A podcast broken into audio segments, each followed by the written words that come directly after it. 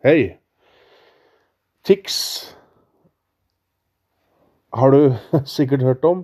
Du har sikkert også fått med deg eh, bakhistorien om at Tix var jo det navnet han ble kalt og mobba med på bakgrunn av diagnosen sin. Er det ikke eh, La meg omformulere. Hvor kult er det ikke at han løfter opp og bruker den historien for å nå ut med et budskap. Det er eierskap til egen prosess, altså. Kjempe, kjempe, kjempetøft. Så for meg så er dette en viktig, viktig, viktig påminnelse til meg selv, og jeg har lyst til å lage en kort episode om, og hvordan man kan ta tak i ting og bruke det selv om det i utgangspunktet er noe negativt. Wayne Dyer anbefales på det varmeste har sagt at når du forandrer måten du ser en ting på, så forandrer tingen seg.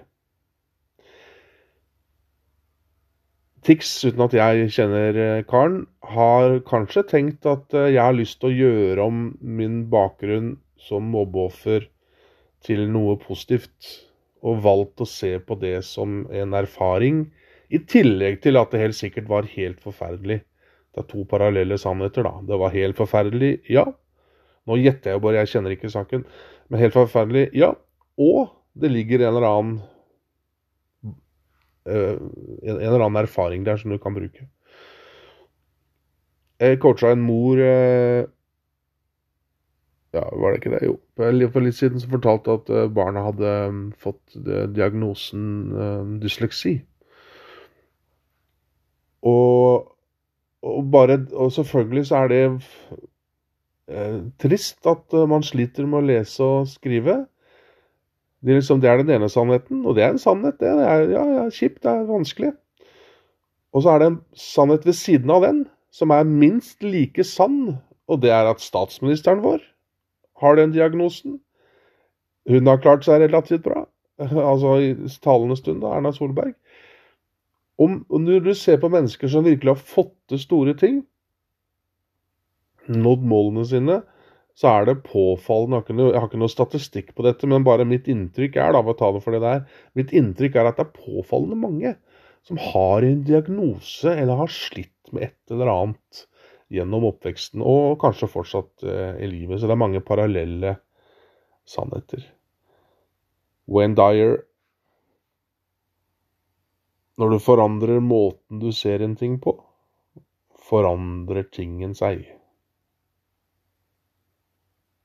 Så dette er en oppfordring til meg og til deg, og til deg for å si til mennesker i ditt eh, liv og minne om dette. Hva annet er sant enn at det er kjipt?